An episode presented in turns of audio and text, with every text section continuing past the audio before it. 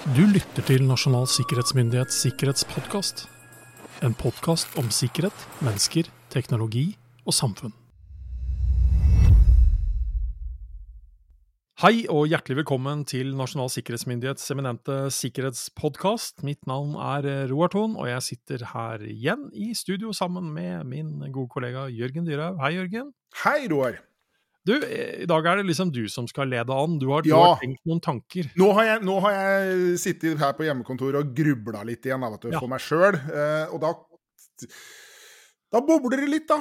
Da spinner jeg jo videre og tenker tanker og Men du tar jo ikke dette bare ut ifra at du sitter isolert på et sånt hjemmekontor. Det handler jo en- forhåpentligvis litt om litt erfaring eh, fra det, det, det, det, handler, det handler litt om hva skal jeg si, disse klisjeene, disse fra, klisjéfrasene man møter ute. Ja. Uh, som Vi bruker vel noen, vi òg, tenker jeg. vi gjør kanskje det. Ja. Vi gjør jo det. Det er lett å skylde på andre. Ja. Men ikke sant, man, man, man, vi er mye ute. Vi møter ufattelig mange hyggelige mennesker i settinger, og så Noen ganger så sitter man igjen med en følelse av at min oppgave her i dag har vært å Hva skal jeg si Fortelle dere noen andre sannheter, noen andre liksom virkelighetsbeskrivelser enn det dere kanskje har gått rundt og trodd. Og vi har sagt Hvem er ansvarligheten for uh, sikkerheten i virksomheten, Roar? Hvem, sier vi det er? Ja, er jo, man kan ikke ha unngått å hørt oss sagt at det er sjefen. Ikke sant? Du har ikke unngått å høre at vi har sagt det jækla mange ganger. Ikke sant? Vi, vi, vi har morsomme illustrasjoner med, med sjefer og sitater om at 'dette er ikke mitt ansvar', og 'jeg måles ikke på sikkerhet'. I en, øh, La oss tenke oss nå en sånn helt gjennomsnittlig norsk virksomhet. Vi sier ikke om den er stor eller liten eller offentlig eller privat, men det er en virksomhet som driver med et eller annet. Hvem er det som strengt tatt bør legge til rette for at alt av sikkerhetsråd og den type ting, både fysisk og digitalt, er mulig å følge? Jo, sikkerhetsavdelingen og IT, IT-sikkerhetsavdelingen, ikke sant? De, de, de, liksom, de setter jo liksom premissene og regelverket. Men stopper det der? Er, er, er det liksom nok for en norsk virksomhet å ha da en sjef som vet at dette er mitt ansvar, og en sikkerhetsavdeling og en IKT-avdeling som gjør ting stort sett helt perfekt? Er vi i mål da? Nei. Nei. Vi er ikke det. For vi har kanskje glemt det aller, aller viktigste. For, for, bli med meg på, på følgende tankeeksperiment. Nå er jeg spent, kjenner jeg. Ja. Ja, du jobber i et kjempedigert budbilfirma ja. eh, som har haugevis av varebiler i forskjellige størrelser og kvaliteter, og med definitivt forskjellige bruksområder. Noen er svære og kjører langt, noen er knøttsmå og går på batteri og kjører da lokalt inne i byen. Og fordi man da har så fryktelig mange kjøretøy, så har man si, et, et kjøretøykontor som administrerer alle disse kjøretøyene. Og inn til dem så kan du melde om feil ved kjøretøyet. Du kan stikke innom for å få med deg en dunk med spylevæske hvis du skulle gå tom. Og det er dette kjøretøykontoret som sørger for at alle kjøretøyene kommer seg på service ved jevne mellomrom, og ikke minst da inn på sånn PKK, periodisk kjøretøykontroll, som EU-kontrollen strengt tatt heter. Ikke sant? Og de, de har et ansvar liksom for den infrastrukturen alle i denne bedriften bruker. Og er de da ansvarlig for sikkerhet? Og sikkerheten? Og ja, definitivt.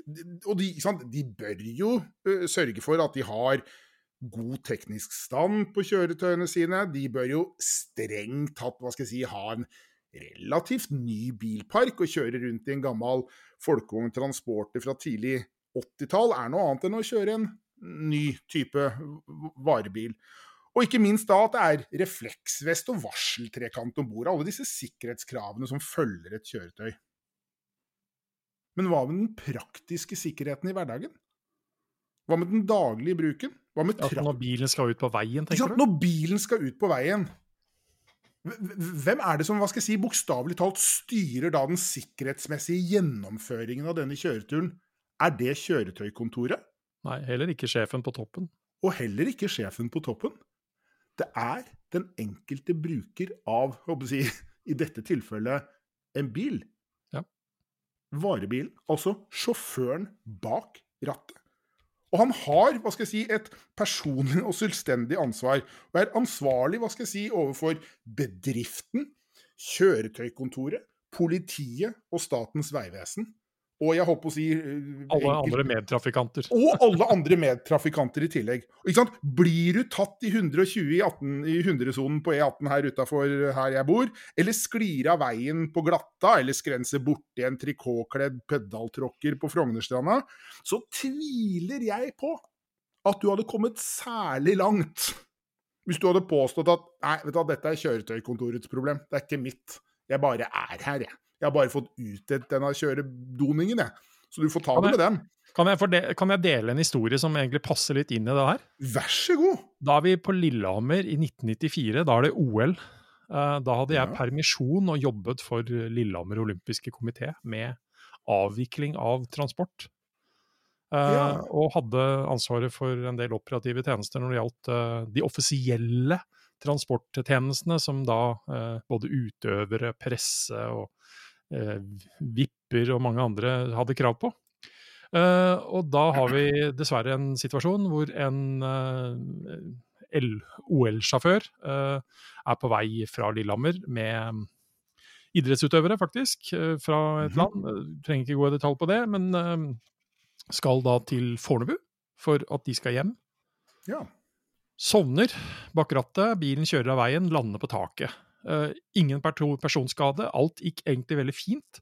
Uh, idrettsutøverne tok dette her så sporty at de, uh, de ville at sjåføren tok lagbilde av dem på taket av bilen der den lå. Nei.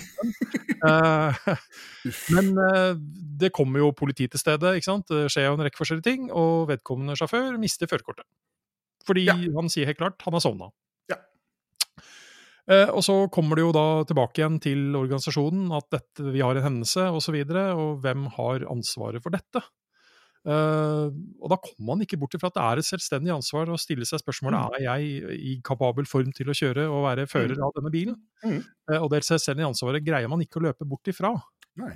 Men, men, men, samtidig så var det noen nyanser i denne saken som faktisk kom fram uh, i eh, den endelige juridiske vurderingen, og det var at vedkommende hadde faktisk sagt ifra på kjøretøykontoret før oppdraget at dette var hans tur, jeg tror nummer to eller tre omtrent, tur-retur Oslo-Lillehammer og at han var eh, ikke mm. helt egnet, blir mm. allikevel overbevist at, eh, at eller har ren lojalitet å stille opp og ta en mm. tur til, fordi man var under sterkt press osv. Og, så og det blir tillagt i, i, i, altså i i en positiv forstand når man da så på saken i sin helhet. Men, ja. men du greier ikke sånn sett fullt og helt å løpe vekk fra det ansvaret du men, har. Men ikke sant? han var jo da sitt ansvar bevisst, strengt tatt. Sånn strengt tatt så var han det.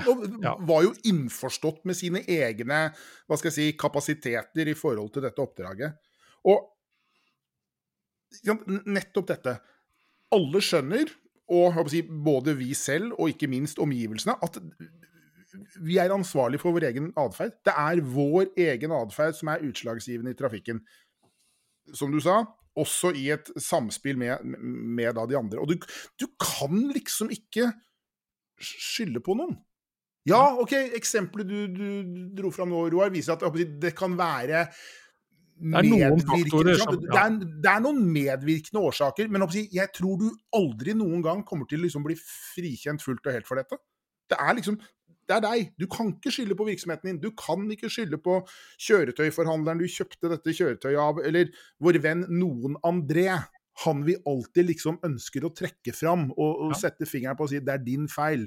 Noen André har gjort veldig mye galt. Noen ja. André har gjort forferdelig mye galt. Og dette i den fysiske verden, i trafikken, bak rattet på en bil eller en sykkel eller whatever, så skjønner vi dette liksom egentlig helt av oss selv. Ja. Det, er liksom, det, det, er ingen som fighter den settingen i noen særlig grad. Alle har en mer eller mindre sånn intuitiv forståelse at sånn er det, sånn må det være, sånn sier lovverket at det skal være.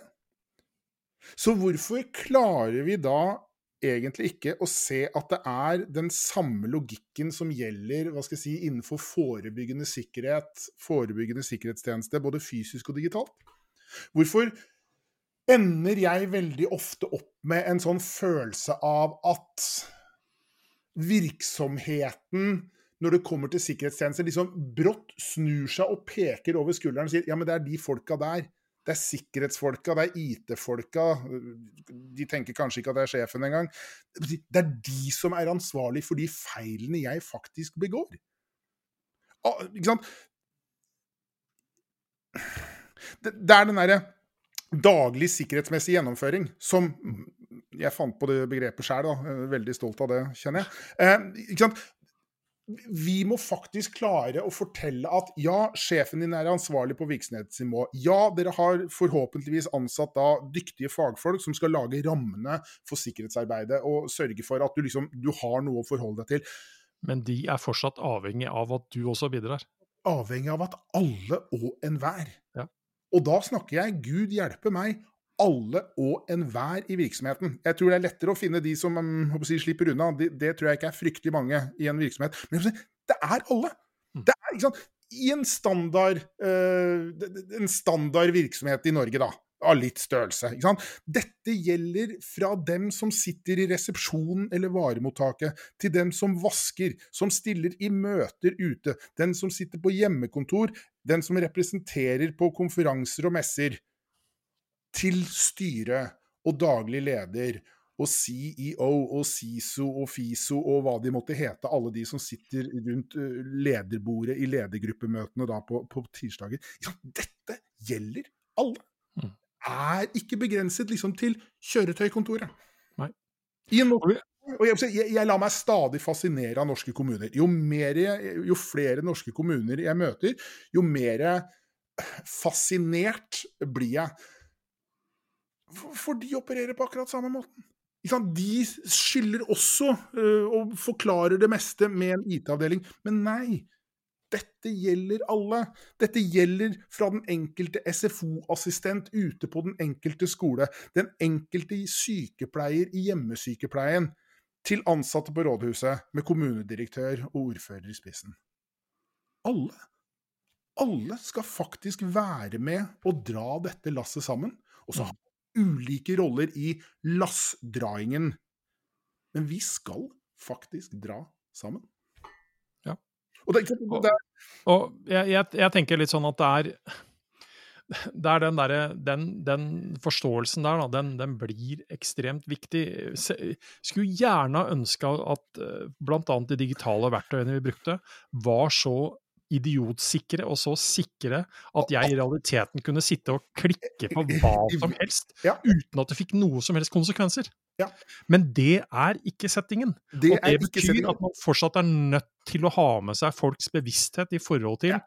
Ikke nødvendigvis å være perfekte, men i hvert fall nei, nei, nei. bidra lite grann til være... at vi reduserer risikoene ved det vi holder på med. Punkt nummer én er at din atferd i trafikken betyr noe. Det, det, det, vi må begynne med det. Din atferd i det forebyggende sikkerhetsarbeidet i virksomheten din, fysisk og ikke minst digitalt, som jo da er enda mer komplisert enn i den fysiske biten. Du er en viktig del av dette. Mm. Du, du, er en brikke, og du er sannsynligvis en mye viktigere brikke enn du har gått rundt og trodd frem til du lytter på denne podkasten her. Og liksom, den derre debatten som jo stadig raser om at uh, Norge mangler uh, haugevis, tusenvis av cybersikkerhetsspesialister med en eller annen mastergrad, den, den blir litt mager. Ja, vi mangler sikkert forferdelig mange spesialister, men vi mangler enda flere generalister. Ja. Vi, vi, mangler enda flere hverdagsutøvere av sikkerhetsfaget fordi vi ikke har noe alternativ. Som du sa, vi kommer ikke dit hvor du kan oppføre deg akkurat som du vil bak rattet på bilen din, og det går bra. Eller du kan oppføre deg som en idiot sikkerhetsmessig, fysisk og digitalt i virksomheten din, og så går det bra likevel. Vi kommer er... aldri dit. Men det er jo noe vi egentlig da også sa i Risiko 2022. Uh, ehm, nå er det straks en ny risikorapport uh, på vei, men, men, da sier vi, og det er jo ikke noe nytt det heller, men kompetanse er mangelvare. Men når vi sier det, så er ikke det bare den kompetansen du nettopp nevner, med godt skolde, skodde teknologer og, og andre. Nei, nei, det er en generell kompetanse yes.